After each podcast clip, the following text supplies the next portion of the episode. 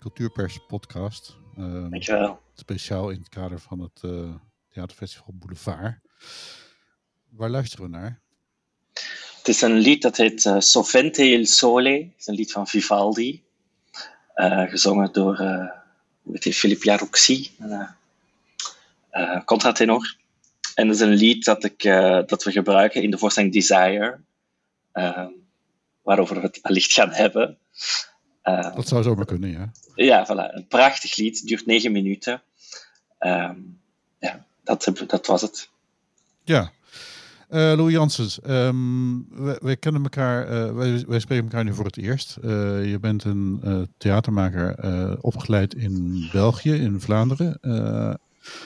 en um, tot nu toe, in ieder geval als ik de eh, reviews lees die, die hebt mogen ontvangen de afgelopen jaren, een tamelijk uh, probleemloze binnenkomst in de theatersector, als ik het zo mag zeggen.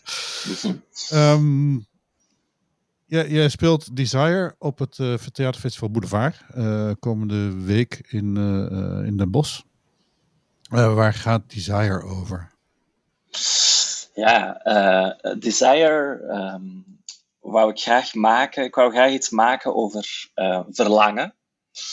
En uh, over het blauwe uur. Het moment tussen nacht en dag. Het einde van de nacht, begin van de dag.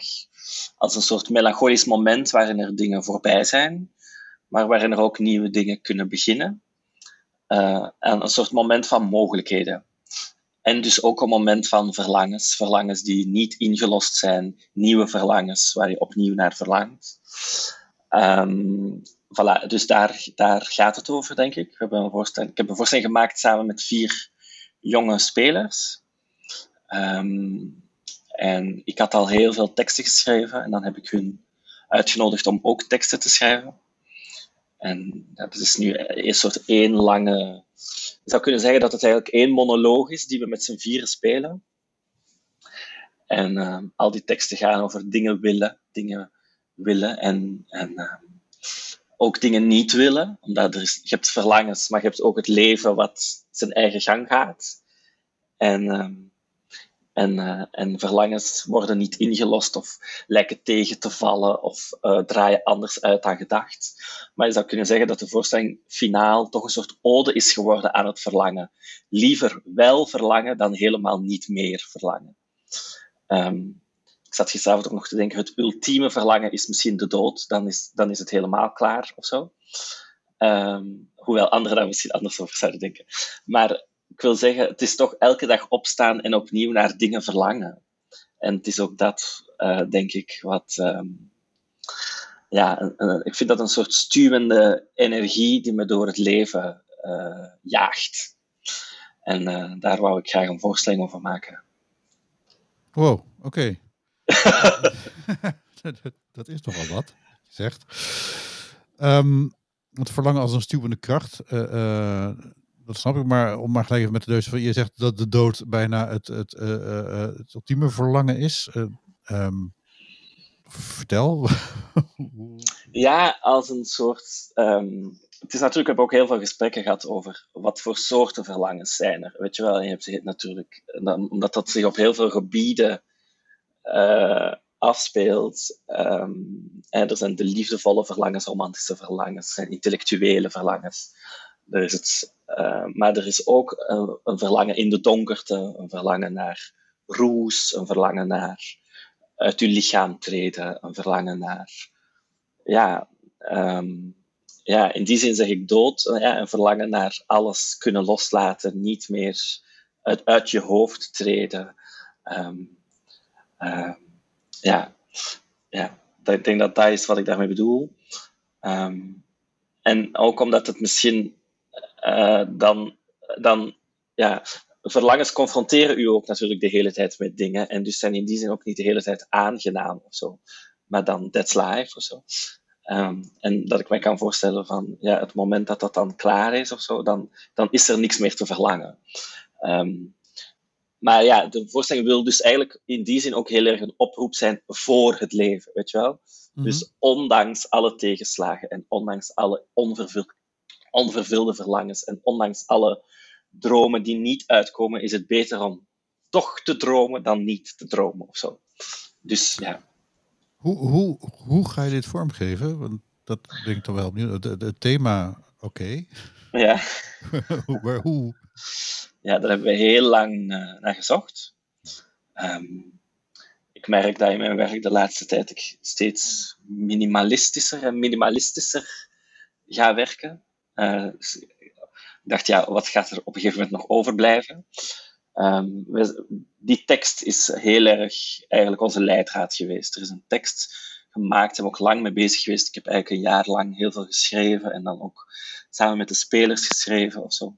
En dus hebben we heel lang ja, naar een partituur gezorgd die, waarin alles waar we het over wouden hebben aan bod kwam.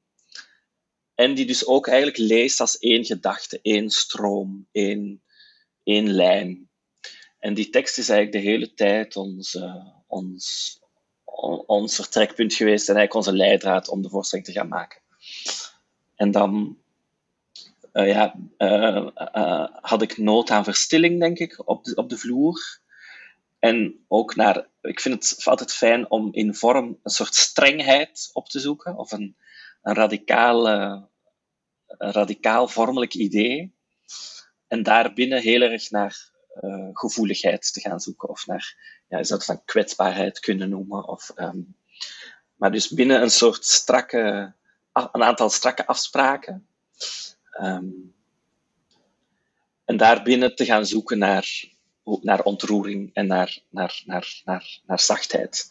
Um, en in Desire, eh, ja, je eh, zou kunnen zeggen, de voorstelling begint als een soort foto. We, met z'n vier maken we een foto, um, een beeld, en dat, die foto komt tot leven, die heeft plots tekst. Um, dus om niet heel veel te verklappen, maar we staan best veel stil. Okay. En, we, en we praten. Hmm. Hey, uh, is, je hebt het over een strenge vorm en, en, en, uh, en, en veel tekst. Um, hoe, hoe ben je daartoe gekomen? Want ik bedoel, je bent jong, je bent 27, uh, begreep ik. Je bent op zich al wel tien jaar bezig, begreep ik. Mm -hmm. In een enigszins professionele vorm. Mm -hmm. Dus je bent al 17-jarige al, al begonnen. He, heeft dit er altijd in gezeten of was je ooit een, een wilde punk en is het nu rustig geworden? ja, hoewel ik probeer natuurlijk binnen die strengheid ook punk te zijn. Hè. Ja, ja oké. ja, ja, goed. Uh, of ik vind, ja, nee, maar dus ik, ik, ben inderdaad tien jaar geleden begonnen en had ik samen met Verre Marnev het gezelschap De Snor. En dat hebben we op ons 16 in een soort ja, wilde razernij opgericht. Je hebt een snor trouwens, zie ik. Ook. Ja, dat is is toen nog niet. nog, nee, toen nog niet. Daar ging het natuurlijk over. 16-jarigen die graag een snor willen. Nee, en um, um, toen maakten we hele wilde voorstellingen. Um, we hebben bijvoorbeeld hashtag Bos gemaakt, waarin we met een hele hoop houten planken een uur lang aan de haal gingen, waar eigenlijk geen tekst in zat, wat eigenlijk een uur lang beeld maken was. We hebben Ideale Plaats gemaakt, wat een soort um, opgefokt pretpark was in plastic.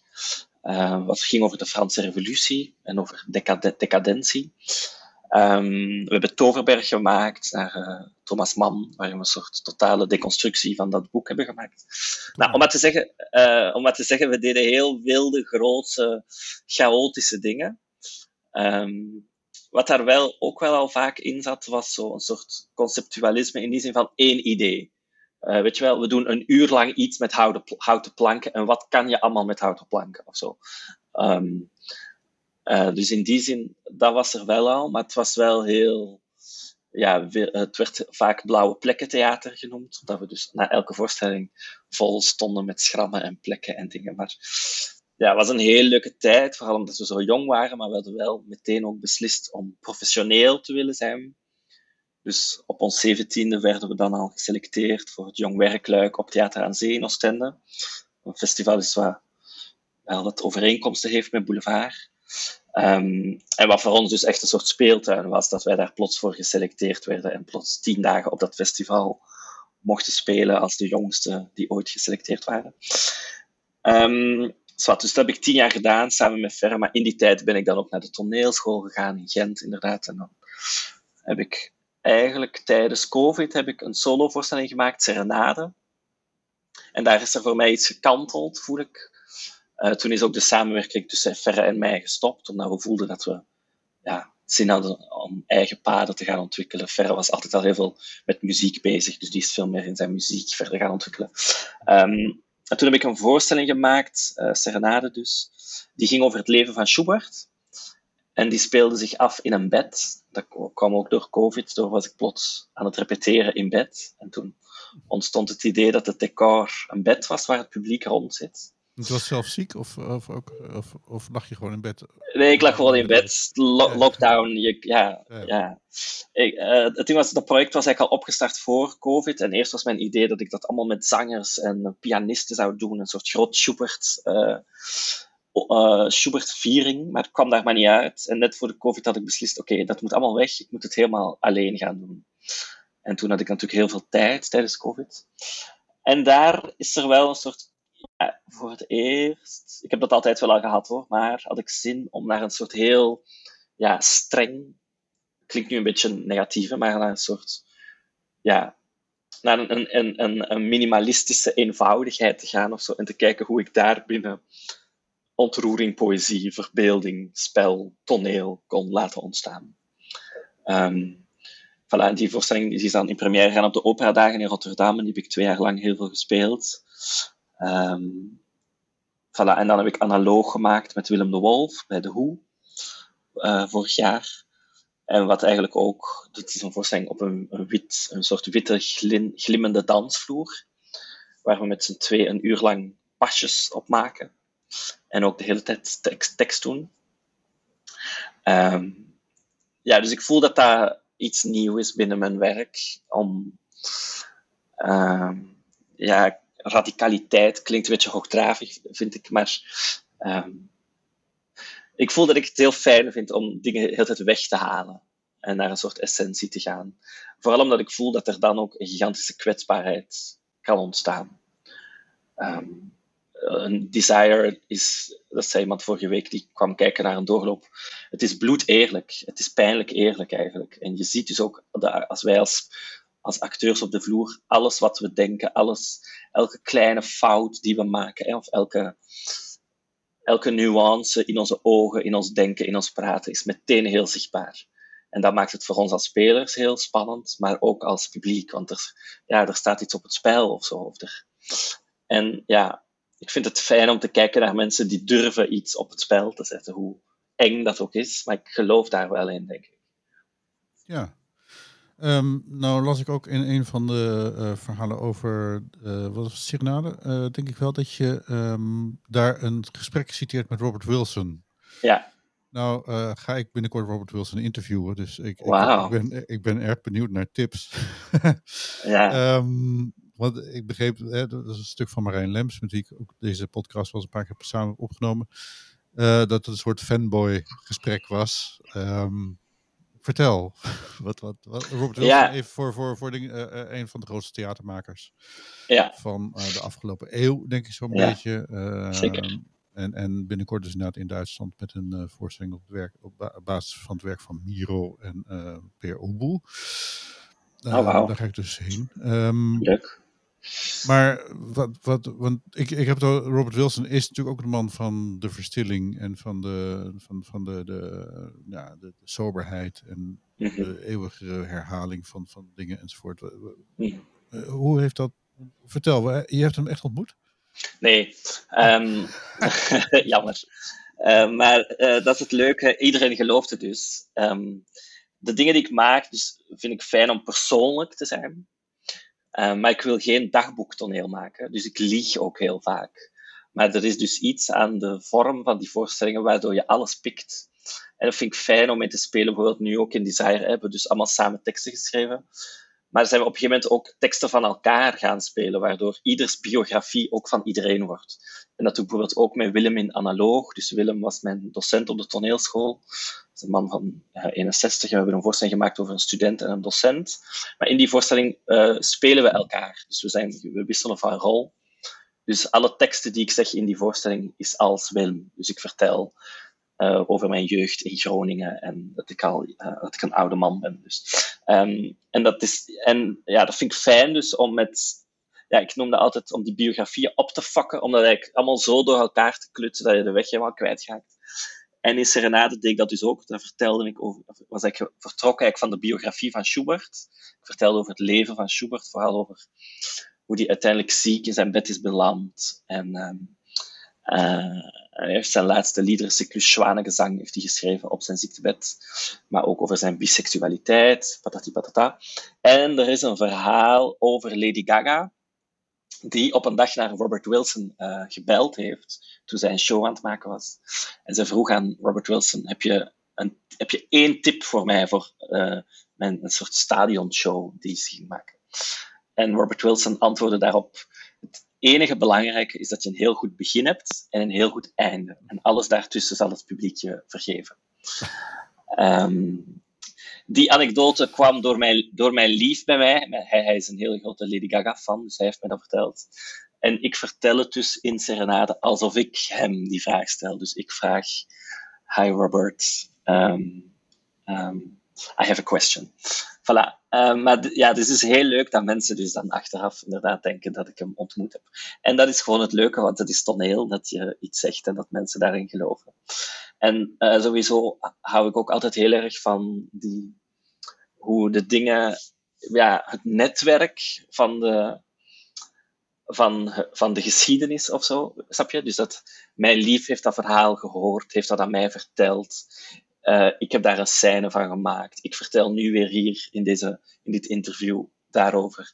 Ja, en dat is een soort van. Uh, ja, in die zin vind ik dat we dus ook allemaal verbonden zijn met elkaar. En dat is, vind ik ook in de voorstellingen die ik maak. En bijvoorbeeld in Serenade deed ik dat heel erg was Schubert de lijn van de voorstelling, maar van daaruit vertakte ik naar allemaal andere kunstenaars en muzikanten die ik inspirerend vond, vind, hè, waaronder Robert Wilson, maar ook Patti Smith, Lisbeth List, Céline Dion, Xavier Dolan. Um, ja, als een soort web van uh, kunstgeschiedenis die mij voedt en die, mij, die belangrijk is voor mij. Uh, dat toont, ja, vind ik ook, ja, dat toont dat het individu eigenlijk niet bestaat, maar dat we allemaal schatplichtig zijn aan elkaar en aan, aan, de, aan de geschiedenis, aan, aan wat mensen voor ons en na ons en tussen ons doen. En ik denk dat dat in Desire, hè, sta ik nu dus samen met drie andere spelers op de vloer, en ook daarin gaat het heel erg over het samen zijn. En, dat, en wat ik daarnet ook zei, dat elk verhaal dus ook van iedereen is. En, en um, in die zin staan we dus met vier op podium, maar in mijn verbeelding zijn we met honderd, weet je wel? Um, um, is het, ja, is iedereen ook, iedereen is verbonden met elkaar. Het is zo'n uh, bijzondere uh, uh, ontwikkeling, vind ik. Want wat, wat mij, zeg maar, nou, nou, nou ben ik even oud als Willem Dolf, geloof ik, inmiddels. Of, nou, ja. Um, maar ik, de laatste jaren, in ieder geval in het Nederlandse theater, we, zijn, zijn ook heel veel ego-documenten gemaakt. Mensen die mm -hmm. zeg maar, heel dicht op de realiteit bleven, uh, zeg maar, hun verhaal, hun onderzoek, hun uh, ding stond centraal op toneel. Waarbij dus zeg maar de, nou, voor het publiek vaak ook zeg maar de, de fictielijn eigenlijk ontbrak. Wat jij ja. nu vertelt gaat heel erg over dat eigenlijk één, alles fictie is. En twee, alles ook niet meer aan een persoonlijkheid gebonden is, maar dat het eigenlijk een soort collectief ja. ding is. Hoe, hoe kom je daarbij? Ja, en ik, ik weet dat natuurlijk ook niet, want die, die teksten, bijvoorbeeld in Desire, zijn ook heel persoonlijk. Ja. Um, en heel kwetsbaar in die zin. Hè? En dus heel erg ego-document, zou je kunnen zeggen.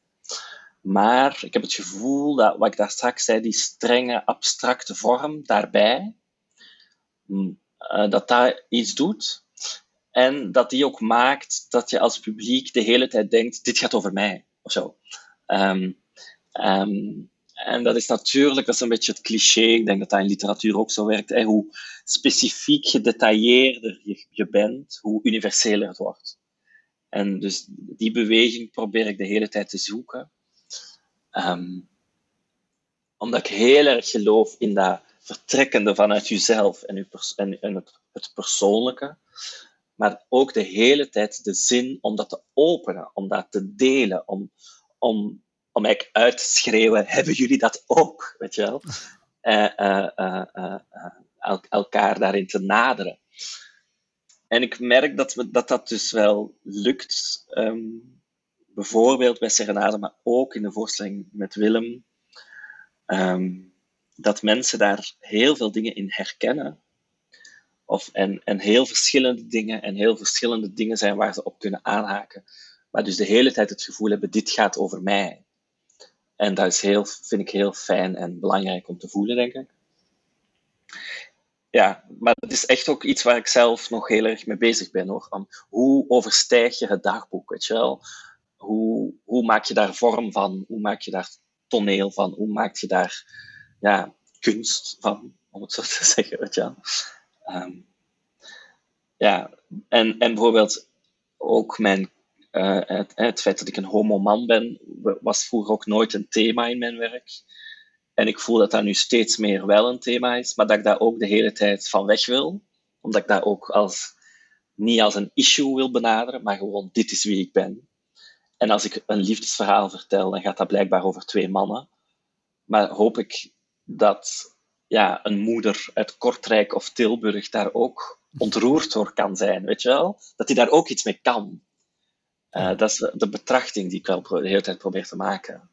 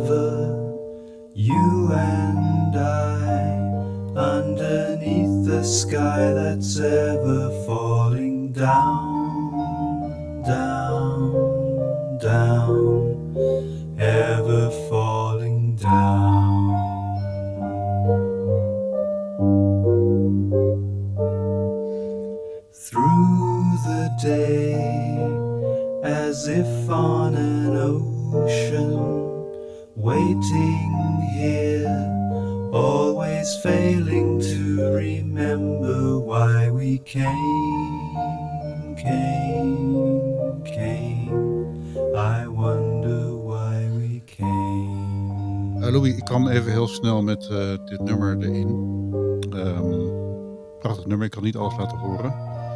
Brian Eno, Before and After Science. Uh, een nummer uit mijn jeugd.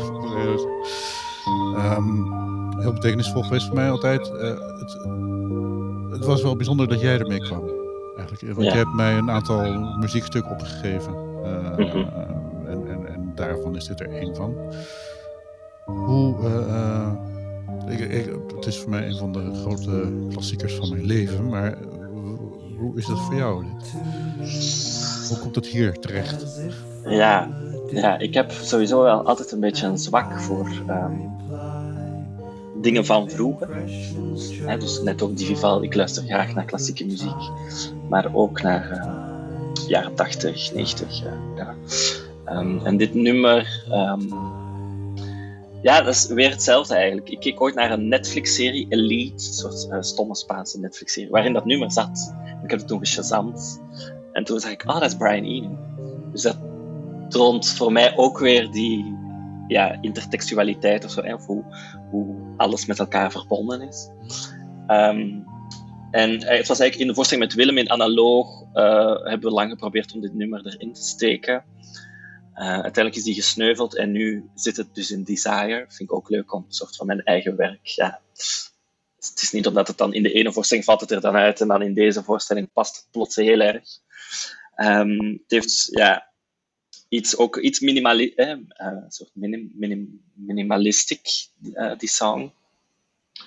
En heel erg voor mijn gevoel van de tijd, time passing ja, een soort zwerven doorheen de tijd, doorheen de geschiedenis, doorheen het leven. En ik vind het dus heel fijn om in mijn werk zowel het oude en het nieuwe of zo met elkaar in werking te laten treden. Bijvoorbeeld ook in Serenade gebruik ik die Schubert-muziek, maar confronteer ik dat met Lisbeth List of zo. Of met uh, uh, queer artiesten. Um, eh, omdat denk ik is ook waar dat mijn voorstellingen vaak over gaan, is zo de herhaling van tijd, hoe, hoe alles vandaag eigenlijk ook een, herhaling is van vroeger. Hoe de dingen doorgaan. Dat is in de voorstelling met Willem heel erg een thema natuurlijk. Hè? Hoe hij vroeger jong was, ook uit de Brian Eno-tijd. En dat ik dan nu als jongen met die Brian Eno afkom. Maar we hadden bijvoorbeeld ook over ton, de toneelschoolstudenten van vandaag.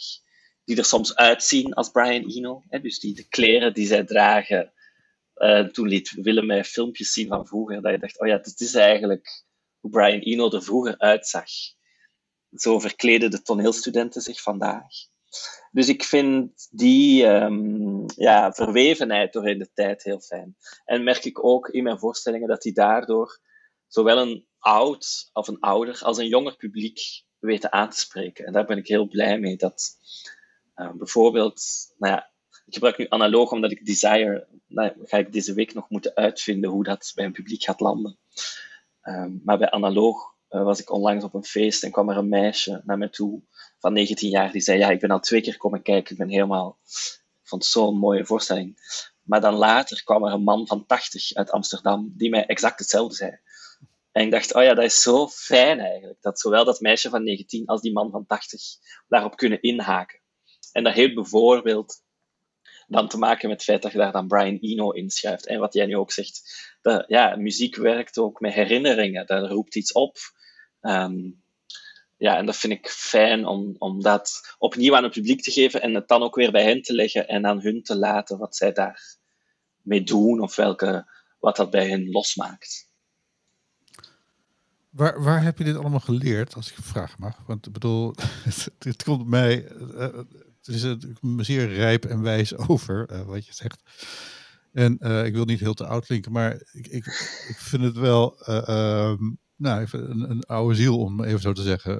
dat je dit soort kennis hebt. Hoe, hoe, wat voor nest kom je vandaan? Waar, hoe, hoe heb je dit van huis uit meegekregen? Of? Ja, ik ben wel in een heel erg artistiek nest opgegroeid in Antwerpen.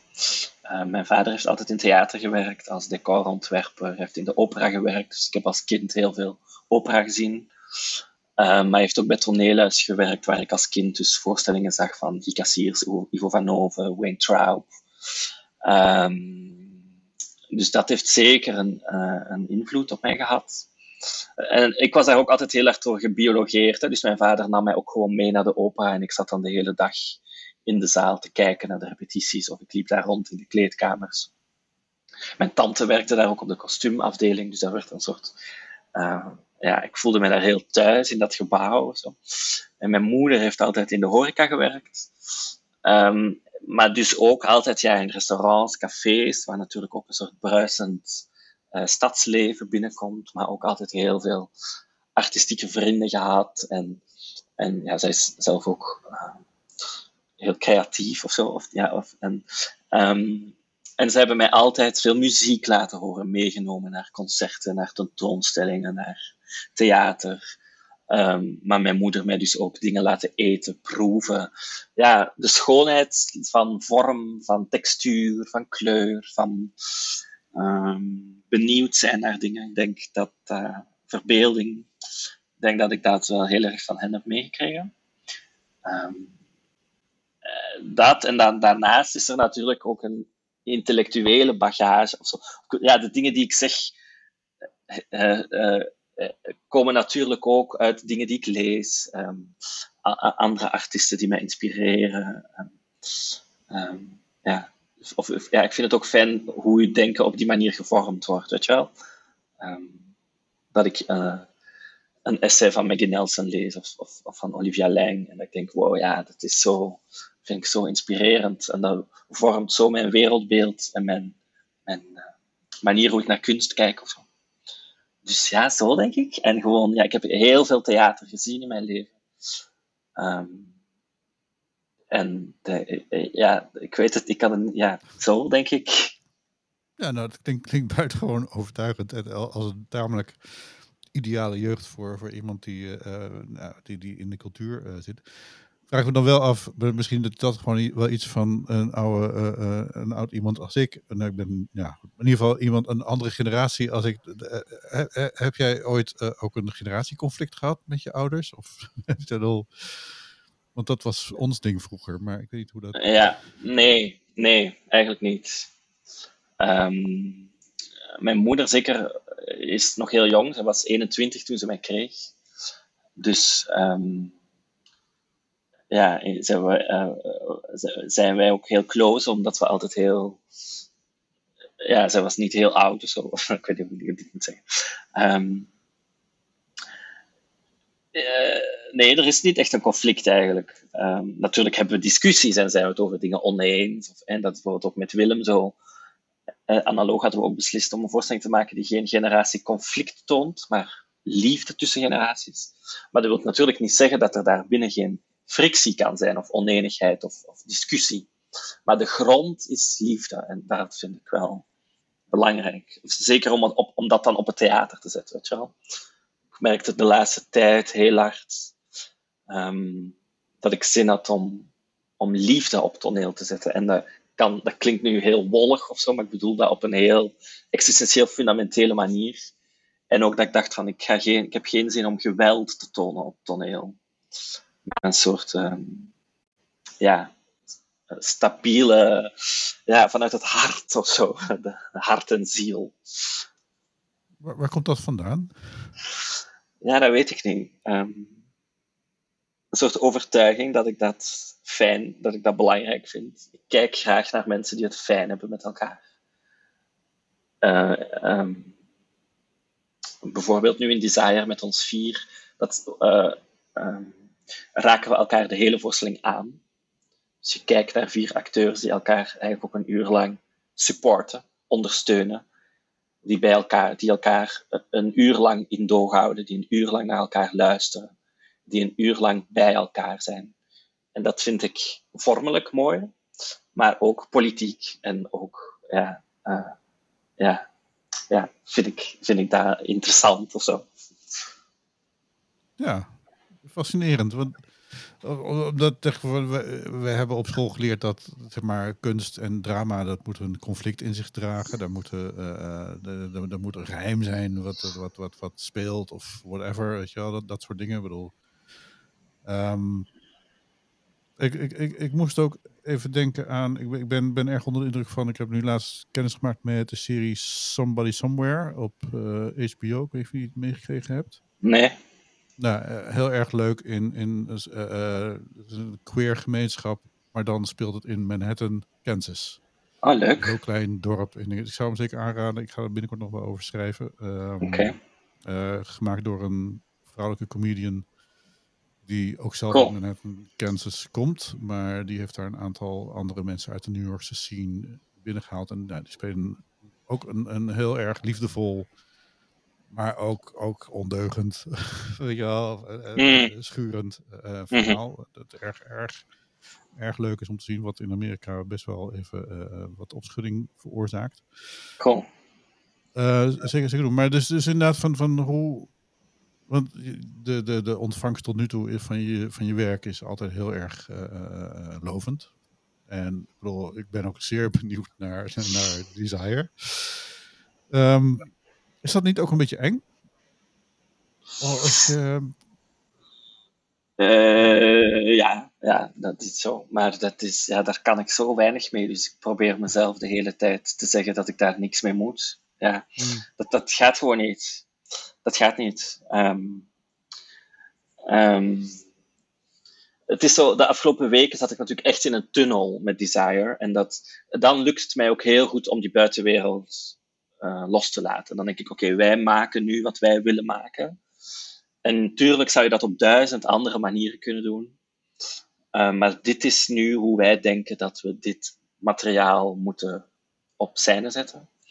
En ik begin natuurlijk nu te voelen, hè, ook door dit gesprek, van oh ja, oké, het komt eraan. Het komt eraan. Maar ik voel ook dat ik daar, daar nu ook klaar voor ben. Omdat ik, ik ben, ik voel nu ook, oké, de voorstelling is eigenlijk klaar voor mij. We gaan binnen drie dagen in première. En we doen nu gewoon uh, elke dag doorlopen. We zijn het licht aan het fine-tunen. Maar we worden ook elke dag beter in het spelen, doordat we die strengheid van ons aan het maken zijn en daar plezier in aan het vinden zijn. Dus in die zin kan ik het nu wel aan. Ik denk, kom maar op, kom kijken. En dan zal ja, misschien dat, nu, dat ze het druk vinden en twee sterren, vijf sterren, I don't know. Maar dat is ook, ja. En dat is een cliché, maar het is ook echt elke keer weer een voorstelling maken is gewoon uh, moeilijk. En uh, zelfs Willem de Wolf, um, die nu toch echt wel enige jaren in het vak zit, zei mij onlangs. Een goede voorstelling maken is gewoon heel moeilijk. En dat, dat, dat blijft dus. En dat, dat klinkt heel aanstellerig om dat zo te zeggen, maar dat is gewoon. en dus ook nu weer met Desire, de eerste week was ik ook echt van, hoe moet dat ook alweer? Ja, het is echt elke keer zoeken en proberen en, en ja, ja, ja, dat, dat en, en um, er kwamen vorige week voor het eerst een paar mensen kijken die, en die zeiden heel fijne dingen. Dus ja, en dan ben ik blij. Hè? Ook um, zeggen ze dingen, ja, hebben ze blijkbaar de voorstelling, of begrijpen ze de voorstelling waar ik wou dat die over zou gaan of zo. Of benoemen zij dingen waar ik dan heel blij mee ben. Dus nu, ja, denk ik, ja, kom maar, kom maar kijken allemaal. En dan, ja, sommige mensen zullen er iets mee kunnen en anderen niet. En dat is, een, um, dat is keer op keer zo, hè. Ja, dat, is, dat is heel spannend. maar ik probeer het ook te lossen, omdat ik voel, dat, dat kan ook heel verlammend werken. Um, uh, maar ik vind het bijvoorbeeld wel fijn, ook een beetje wat ik daar straks zei, dat een publiek er iets mee kan of zo, weet je wel. Of dat, en dat het dus ook en ik merk dat mijn werk dus ook wel best een groot publiek, een, nou, niet groot in aantal, want ik speel in kleine zaaltjes voor, ik bedoel, uh, ik speelde onlangs in Purmerend voor twaalf mensen, maar uh, wel breed. was Purmerend, was, was de zaal leeg of was het een kleine zaal? er waren gewoon heel weinig mensen komen kijken. Wat jammer. Ja. Maar het is dan wel, toch was ik blij dat ik daar was, omdat ik een heel bijzondere avond had met die twaalf mensen. En daar achteraf ook een gesprek mee voer. En, en, dat, en dat je ook voelt dat die daar iets mee konden. Dus ik dacht, ja, het is toch goed dat we naar Purmerend zijn gekomen om die voorstelling te spelen. En, um, en is het, merk ik dus, is best een, wat ik daar straks ook zei, een soort een brede range van publiek die iets met die voorstellingen kan. En dat hoop ik nu bij Desire weer opnieuw. Maar het kan ook zijn dat het gigantisch uh, in de. Dat zullen we donderdag zien. Hey, ik vind het echt wel een mooie uh, slotbeschouwing. Ja. waar, waar, je, speelt, je gaat donderdag in première op Boulevard. Je bent eigenlijk zeg maar, een van de openingsvoorstellingen, kan ik dan eigenlijk wel uh, zeggen. Mm -hmm. speel je? We spelen vijf keer. Dus we spelen van 3 tot 7 augustus um, in de Verkaderfabriek op Boulevard. En dan dit najaar gaan we op tournee in België, maar komen we ook nog naar Amsterdam en Den Haag um, in december. Voilà. Oké. Okay. Uh, Louis Janssens, ik heb niet al je muziek kunnen laten horen, want er was nog één muziekstukje wat we, uh, nou, wat, wat, maar dat ga ik er nu nog niet meer in uh, stoppen. Prima. Um, hierna zullen, kan via Spotify nog naar Brian Eno geluisterd worden in ieder geval. Die zullen we eraan vastplakken, maar die, kunnen, die, die gaat dan via Spotify. Dat is dan weer handig voor deze podcast. ik dank je heel erg hartelijk voor het gesprek. En ja, veel toi toi toys gewenst voor je première. Dankjewel. Uh, we komen elkaar wellicht tegen. En voor de luisteraars, um, ga het zelf meemaken. Want nou, meer dan twaalf mensen in Boulevard moet wel lukken, denk ik. Weet. Ik, we, we, gaan er even uit met een korte mededeling voor de luisteraars en de eindtune. En dan wens ik jou heel veel geluk. Dankjewel. Deze podcast. Laat het dan merken met een kleine donatie. Kijk op www.cultureelpersbureau.nl slash doneren en maak ons gelukkig. Dus www.cultureelpersbureau.nl schuine streep doneren.